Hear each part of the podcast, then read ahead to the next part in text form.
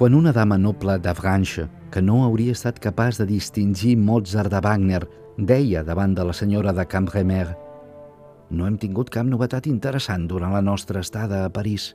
Vam anar una vegada a l'òpera còmica. Feien Péléas i Mélisande. És espantós!» La senyora de Cambremer no només bullia, sinó que sentia la necessitat d'exclamar «Al contrari, però si és una petita obra mestra!»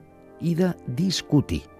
Potser era un hàbit de Combré, adoptat de les germanes de la meva àvia, que ho anomenaven combatre per la bona causa i que apreciaven els sopars on sabien que cada setmana haurien de defensar els seus déus contra els filisteus.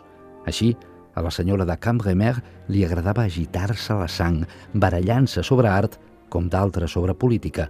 Prenia part per Debussy com ho hauria fet pel d'una de les seves amigues, la conducta de la qual hagués criticat.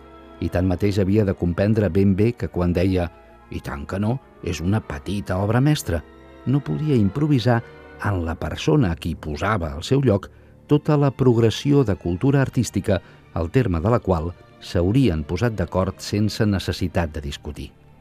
«Hauré de demanar a l'Esidaner què pensa de Possèn», em va dir l'advocat. «És un home molt tancat, un taciturn, però ja li sabré arrencar una opinió». Catalunya Música. Intensament clàssics